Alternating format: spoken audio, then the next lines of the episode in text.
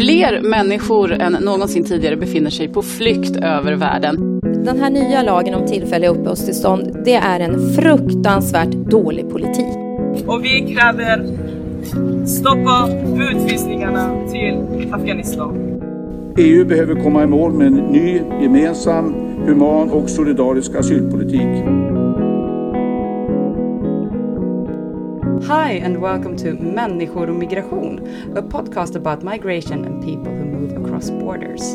My name is Maya Dahl, and I'm uh, the producer of this podcast, and I'm producing for the think tank Arena Idé. In this episode, we're going to talk about international mobility and the legal rights of individuals across uh, borders. With me in the studio, as always, Lisa Pelling from Arena Idé. Welcome. Thank you. And we have a very special guest today, and this is why I'm speaking English right now, or Swinglish rather. Professor Michael Doyle, Director of the Global uh, Policy Initiative School of International and Public Affairs at Columbia University.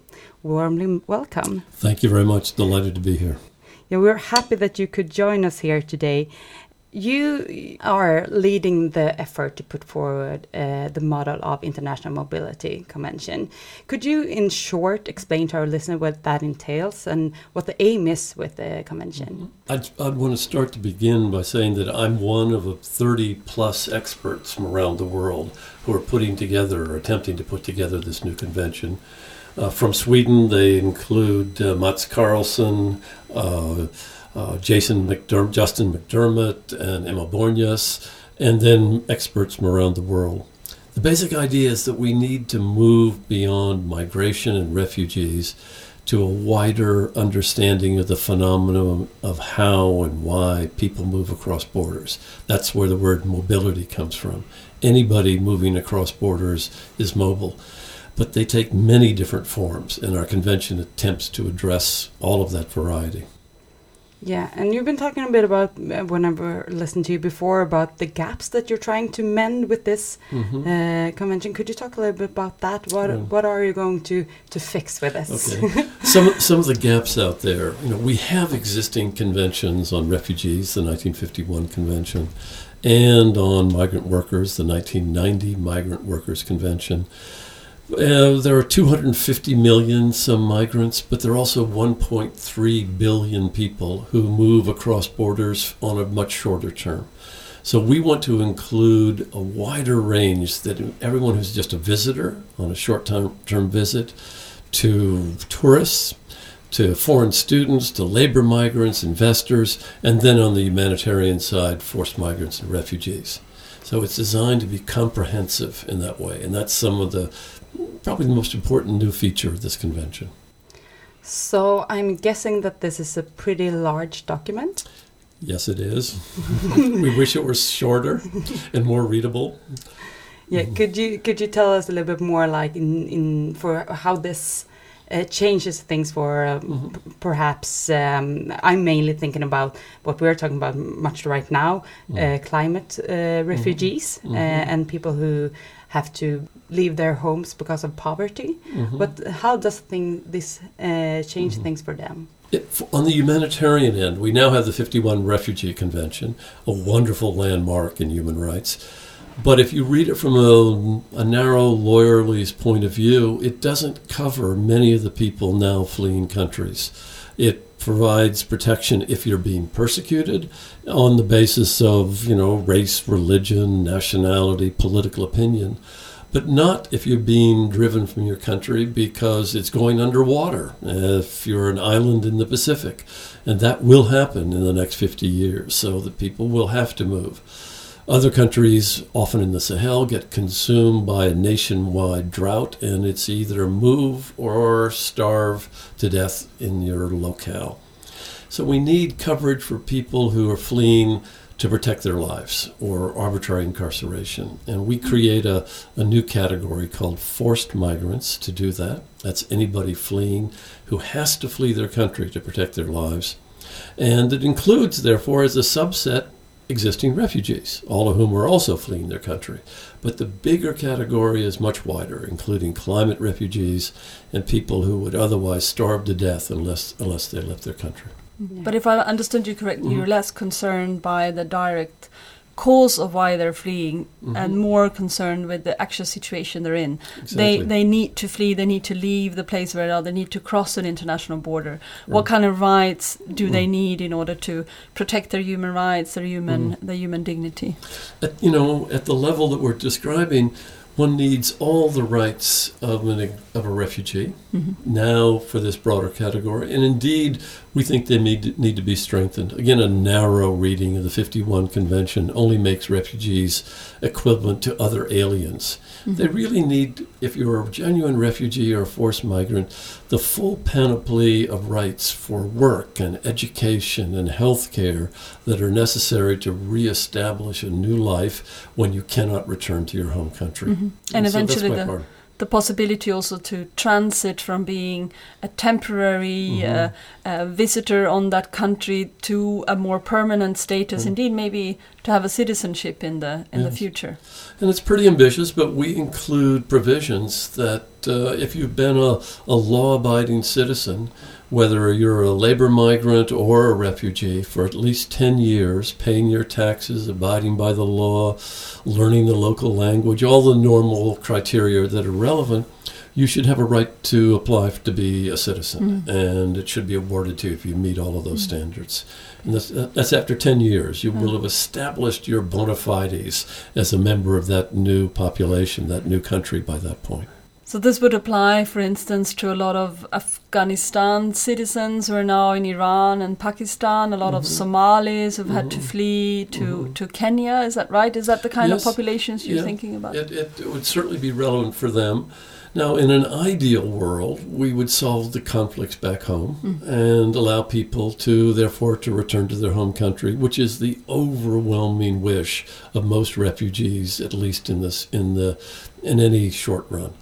But after you've been settled in a foreign country for 18 or even 19 or 20 or more years, which is the time frame of modern displacement, your children have been born in a foreign country. Some of them begin to acquire ties there.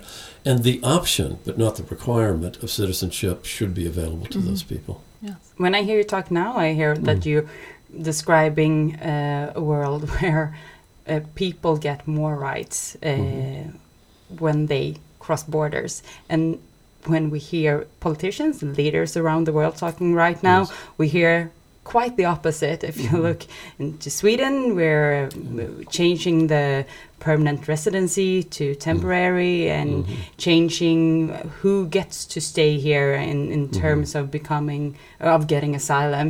Uh, and if you look at US, US, we're talking about building walls Right. uh, and sending people home.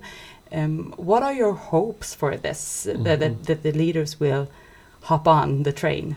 Right. I would start by saying that this is a, a pretty radical convention. You're exactly right. We are expanding rights.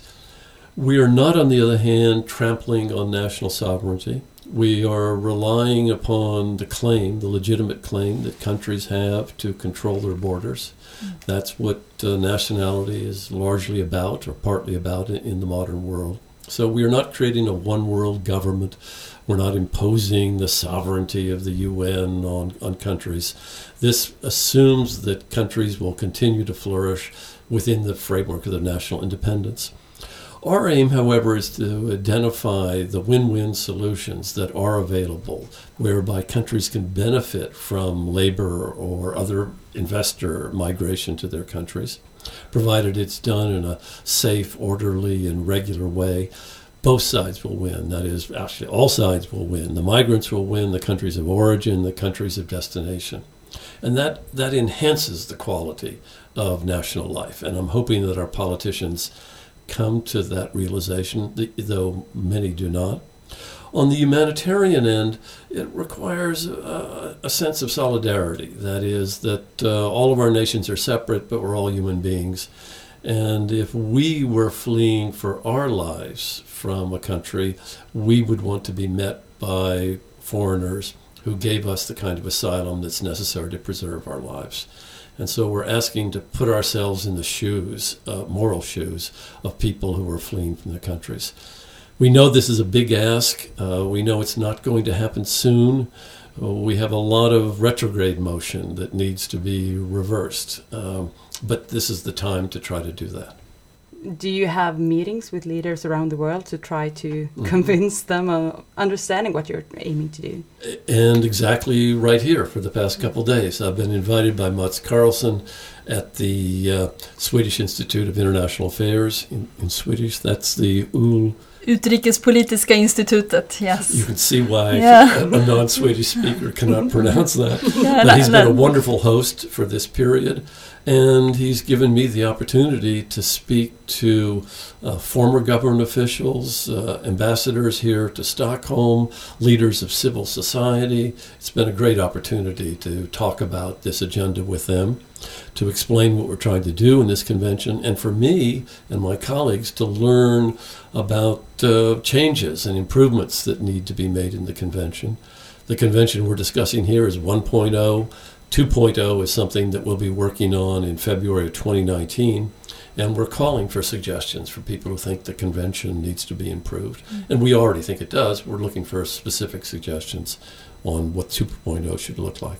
Actually, as we record this, uh, Professor Doyle has had a very intense working day behind him. We started this morning with a workshop, indeed, with, with some representatives of Swedish government, with Swedish NGOs, uh, the the Red Cross, lawyers, experts, scholars, who were all commenting, and there were some critical points, but a lot of points. a lot of encouragement towards initiatives, but but a lot also of of uh, of input towards improving the, the, the model international mobility convention that they're putting forward. And this afternoon we've had a, a lecture at the um, Utrikespolitiska institutet with a, with a big hall of people, also a lot of interested people, and a, and a panel with uh, representatives of civil society organization, representatives of undocumented migrants, of unaccompanied minors, of the trade unions, of uh, organizations working with aid work. Uh, so there's a lot of stakeholders who've been very interested to meet with Professor Doyle and try to uh, have their voices heard and their perspectives put into this uh, to this uh, project. As usually when I want to understand the world and what the politicians are going to, to think, I always turn to you, Lisa. Uh, so I'm aiming the same question towards you as I asked uh, Professor Doyle. Uh, what are your hopes that the, the, the leaders are going to jump on the train and go with this? So, so there, are, there are many interesting processes taking place now. We, we had in 2015 when the when the world adopted a new development agenda, Agenda 2030, for the first time. This global development agenda includes migration issues. It explicitly addresses migrants and migrant rights and identified migration and the management of migration as something that is crucial to achieving the goal of eradicating poverty and achieving uh, human development. So that, that was a as a big step forward. But since then, we have experienced the refugee situation of the autumn of 2015.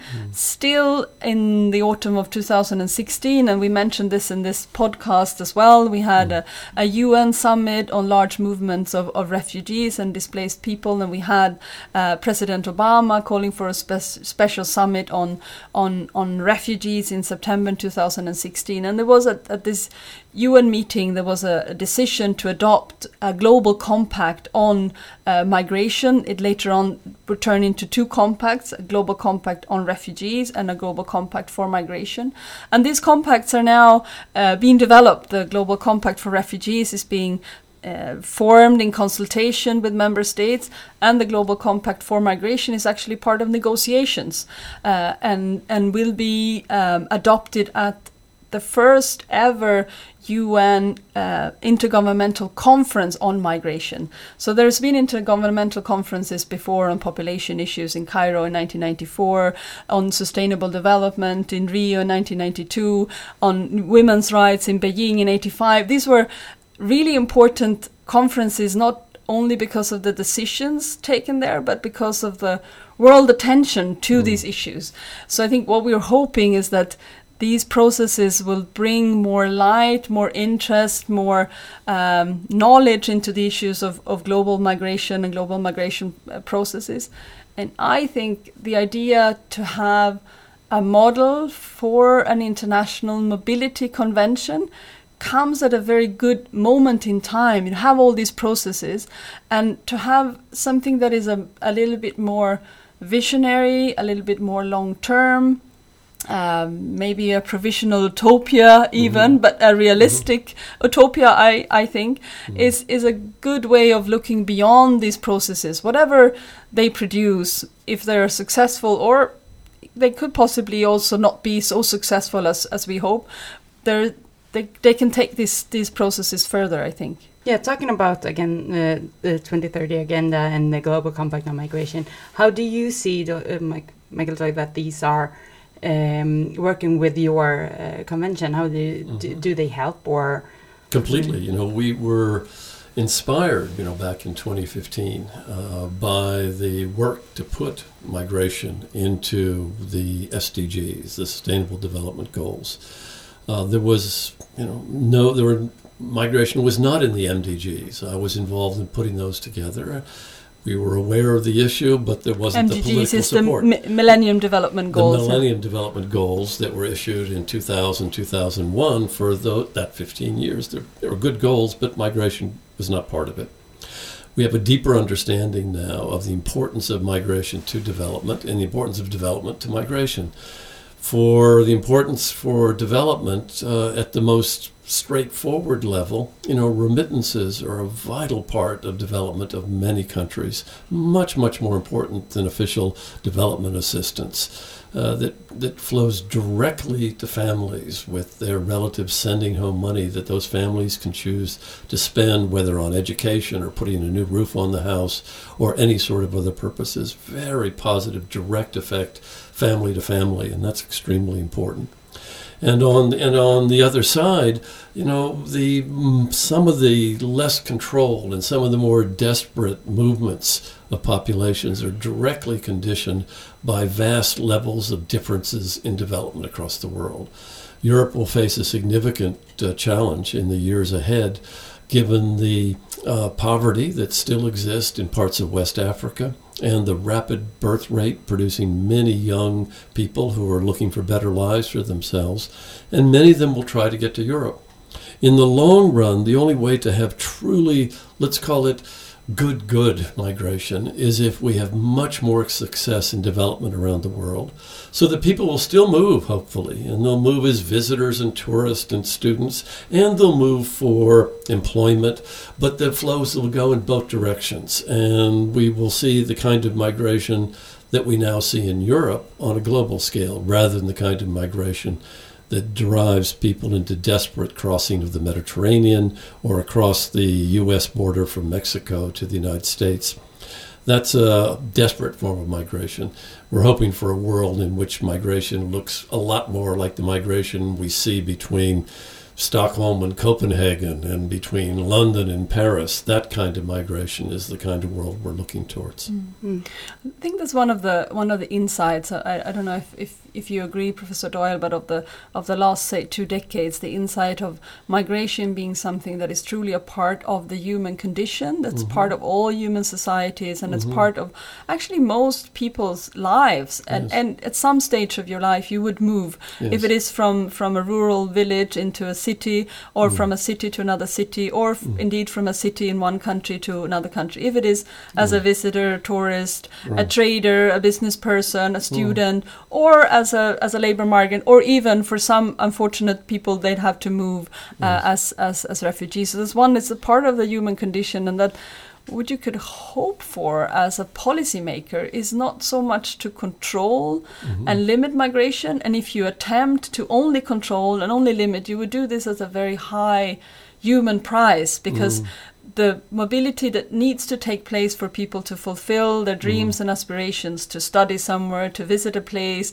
mm. to trade with someone, to do business in other places, or indeed to save their lives and save the lives of their family, you would you would make it more difficult for them. You'd force them to take difficult, risky roads. Mm.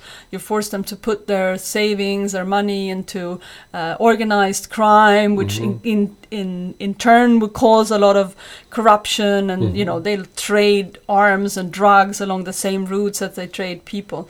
So what you can hope for is is to manage migration in a way that tries to find these win-win situations when the receiving country has something to gain from the people that come and the country that where people leave also have something to gain with this reception of remittances this money that, that people send home uh, but Yeah, I'm not not sure that. Um, even though many politicians share these insights, I'm not sure that they share uh, a conviction that they would have the mechanisms, the tools to realize this win-win situation. And in my mind, this this model of a convention on all kinds of mobility is one of these tools you could you could use. I, I think that's a very nice way to put it.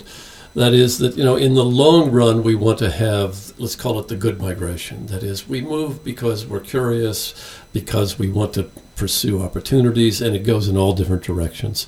But in the meantime, we'll have a much more various forms of migration. Some of which will look like that, thank goodness, and others will be based on desperation. And what the convention tries to do is provide some of those tools so that, for example, uh, labor migration will take place in more safe, orderly, regular channels rather than by people desperately getting in boats and crossing the Mediterranean. One of the things we propose is something called a labor visa uh, internet platform that governments will identify where they think they're likely to be labor demand that won't be filled by their own citizens. And they'll make those available for visas that can be applied for you know, online on this global platform to provide a, a legal, documented pathway for someone to come work in another country. Mm-hmm. And they can identify that where the labor demand is and just put it up for a more efficient market to make sure that these pathways then are, are are, are, are implemented mm-hmm. by people moving in a legal documented way across them.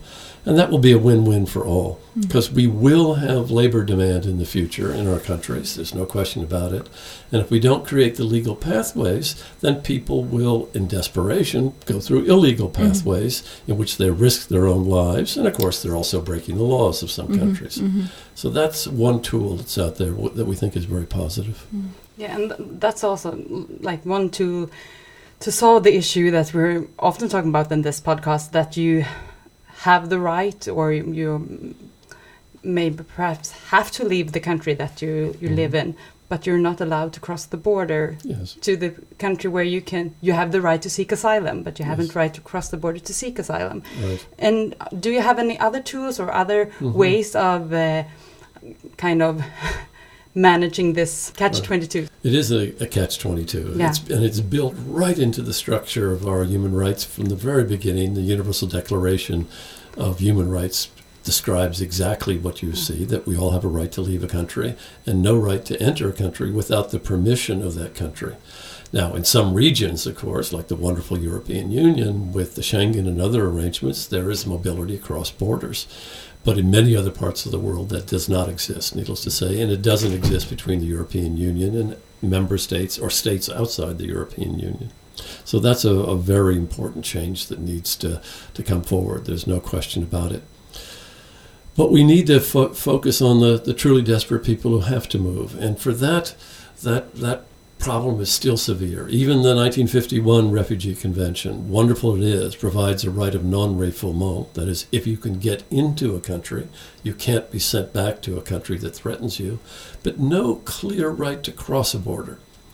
If you do manage to cross a border and get refugee status, you can't be prosecuted, but still no specific right to cross that border. And in our convention, we try to introduce those provisions, knowing that they're challenging.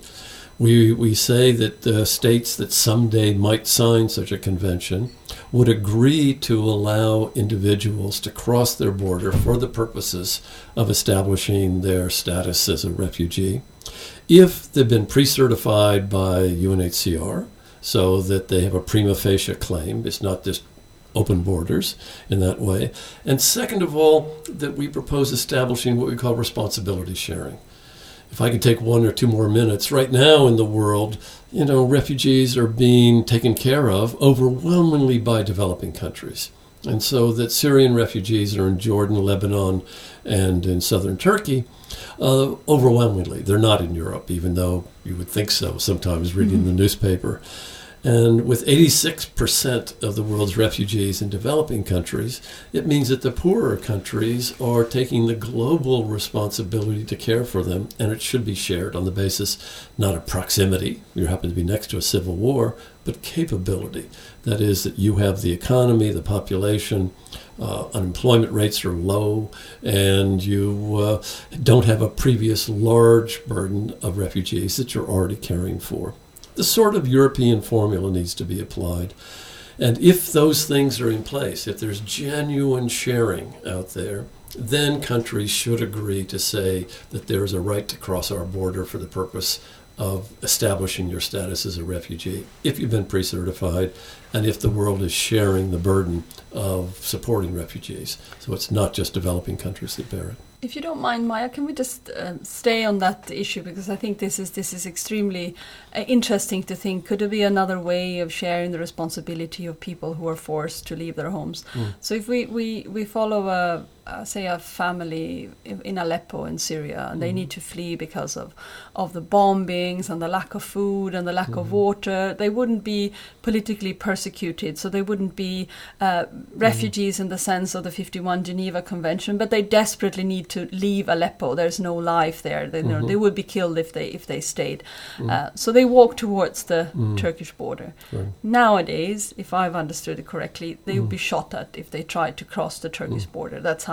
situations are now. Turkey has said we can't re- receive anymore. The principle of proximity mm-hmm. has had us receive some 3 million Syrian refugees. We've had mm-hmm. enough. Mm-hmm. Uh, we are getting paid by the European Union to keep them, but we won't accept any more refugees. Mm. In your system, they mm-hmm. will be pre certified by the UNHCR. So you'd mm-hmm. have a UNHCR office at the border between the country in conflict and, and mm-hmm. war, Syria in this case, mm-hmm. and you'd give them a stamp or mm-hmm. a, uh, some kind of a paper to cross the border. Yes.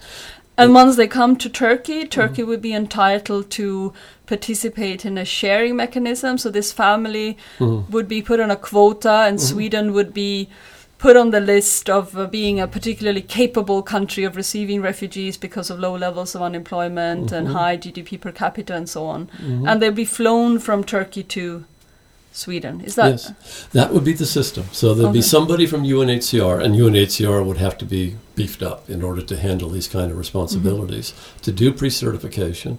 With that stamp, you could cross the border and then establish in a Turkish court your right to be uh, received as under Turkish law a, an, a, a refugee, mm-hmm. and it would have to be in concordance with the principles established in the convention.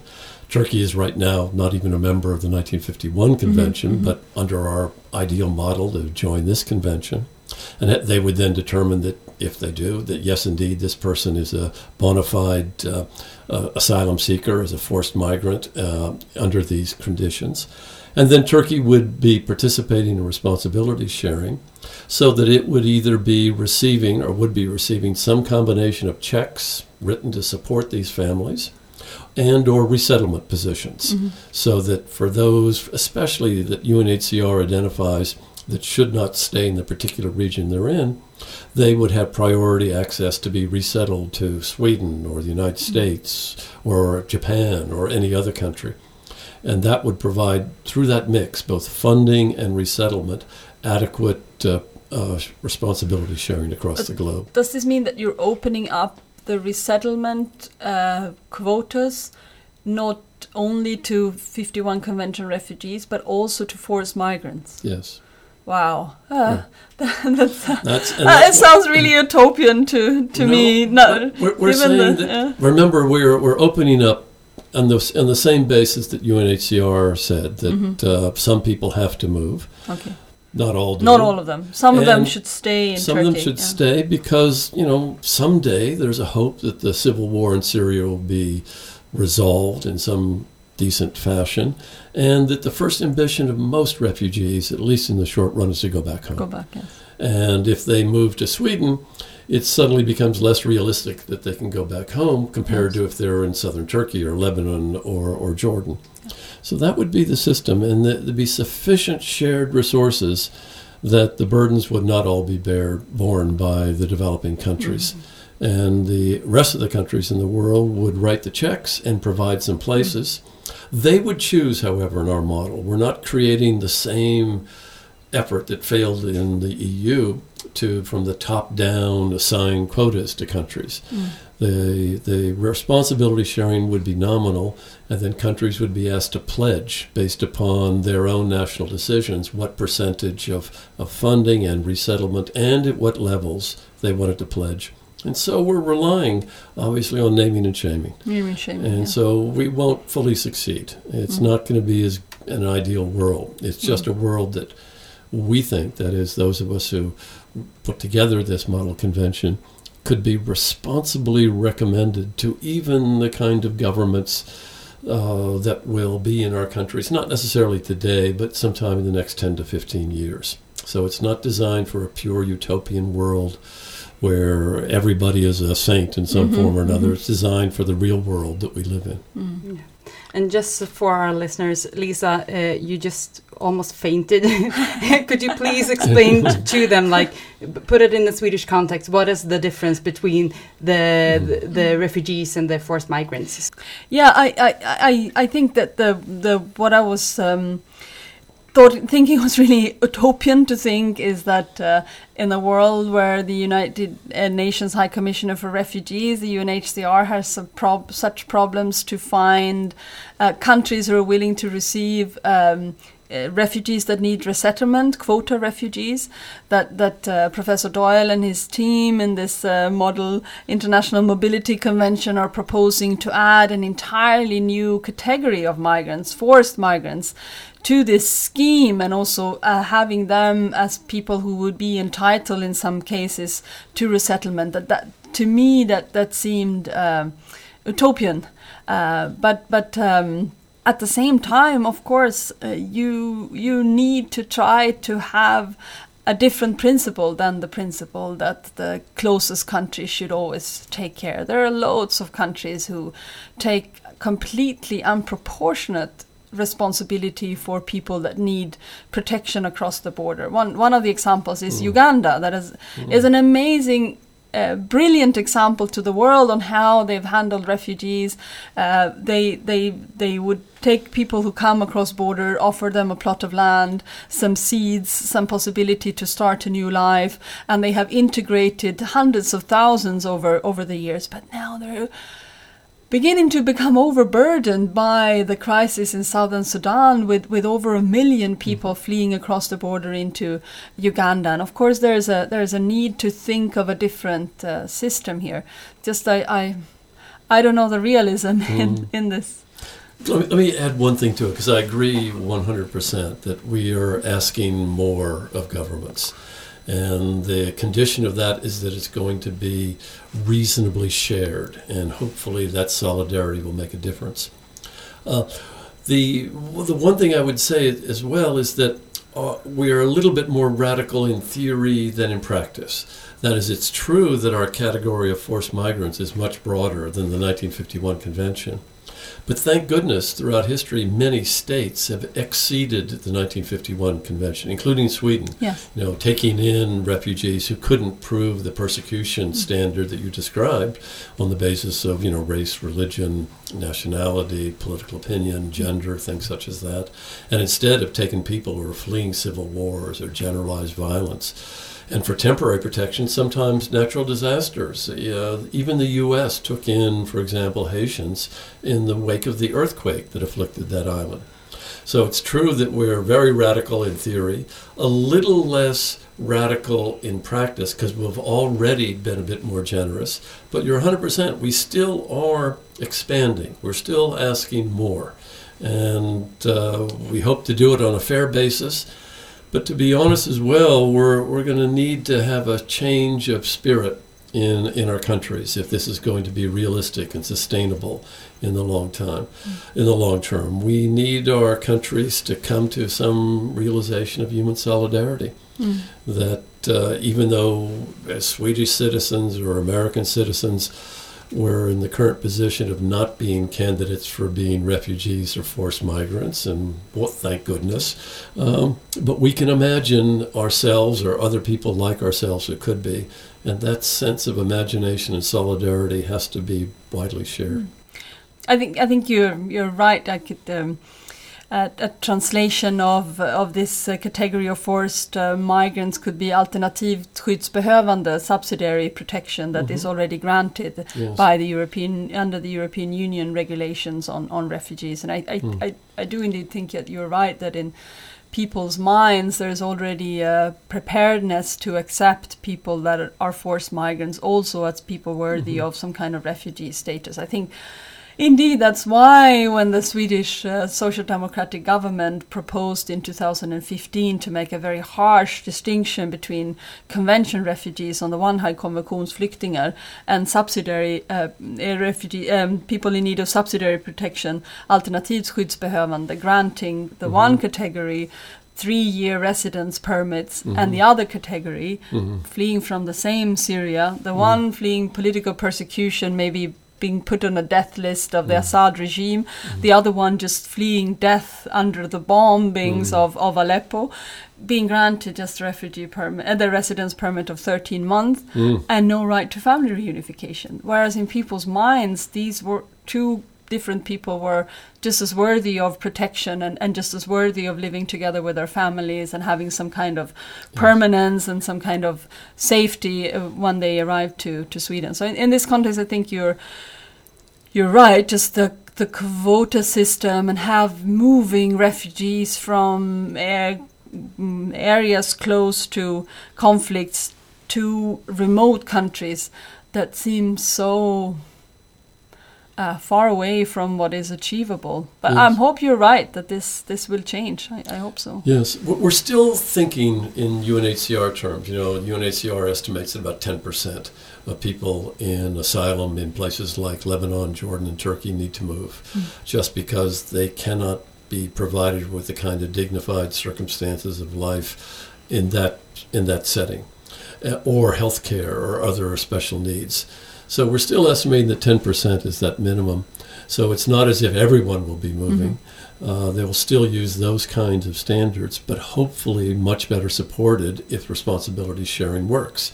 And uh, it's not just the Swedens of this world, but also the United States and many other countries would step up either by writing checks or providing resettlement uh, opportunities. It would be an important addition. Yeah, it's starting to become time to wrap up, but I have one last question, and you're in Sweden now, so we're going to look. wh- What are your hopes and what are you expecting from Sweden? What what should Sweden's role be in this? I I think two, and uh, I'm speaking as a foreigner here, and I want to hear what Lisa has to say, who has more authority to speak on this matter and a stake in the outcome. But as a foreigner, there's two things that I'd like uh, for Sweden. One of them is to play a leadership role on this issue. That is, Sweden has the credentials by being a country of generous asylum to stand up and say to other countries, meet your responsibilities. They, they are not going to be charged, Sweden is not going to be charged with hypocrisy, as some countries would who would say the same thing. So the first thing is leadership, political leadership is what I would ask from the Swedish government. And the other thing is to the, you know, to the people of Sweden, the citizens, that the, the traditions that they've established are truly honorable. You know, we talk about American exceptionalism in some way. There's a Swedish exceptionalism, which has to do with that kind of generosity. And I would just urge the, the citizens of Sweden to follow in the same similar model to the citizens of Canada and to regard it as part of the national identity as to who they are and what what of the many other things makes them proud to be Swedish citizens. So I would encourage Swedish citizens to keep that up. It's great to hear. Just mm. I just want to cry because I think particularly these values and maybe this possibility to build on mm. this is so much under threat with this election campaign coming up. But mm. I, you know, I I try to be optimistic. I think whatever humanitarian achievements we have gained mm-hmm. and the kind of um, self perception indeed as a country that is generous, is Mhm. solidaric, is uh, open to the world, is Mm. proud of the refugees that we have Mhm. received, um, proud to have hosted Willy Brandt and Bruno Kreisky Mhm. during the Second World War, and the and the refugees from uh, Hungary, indeed, in the 1950s, and from the Yugoslav wars and the Chilenians. You know, this this Swedish people is probably still there even after this terrible election campaign. Let's hope. It's very Sorry. rare that we in this podcast talk about Mhm. hope, so I would like to end there. Yes. yeah, thank you so much, Professor Michael Doyle, for joining us here in this very warm studio. so thank you so much for taking time to explain in this for us and for all the good work that you do. Thank you so much for hosting this. I regard this as a wonderful opportunity, and you've asked us some hard questions, and but very welcomely. Thank you very much. Thank you. And thank you so much, Lisa, for putting all this in a Swedish context for me and explaining things. Yes, thank you. and to you as a listener, if you want to listen to anything else that the think tank Arena Idea is uh, producing, just look us up on iTunes or SoundCloud. You'll find our podcast Pengarpolitik uh, and the um, recordings from our seminars at uh, Arena Play. So look us up at iTunes, SoundCloud, or wherever you get your podcast. Thank you so much, and we'll be in contact soon. Bye.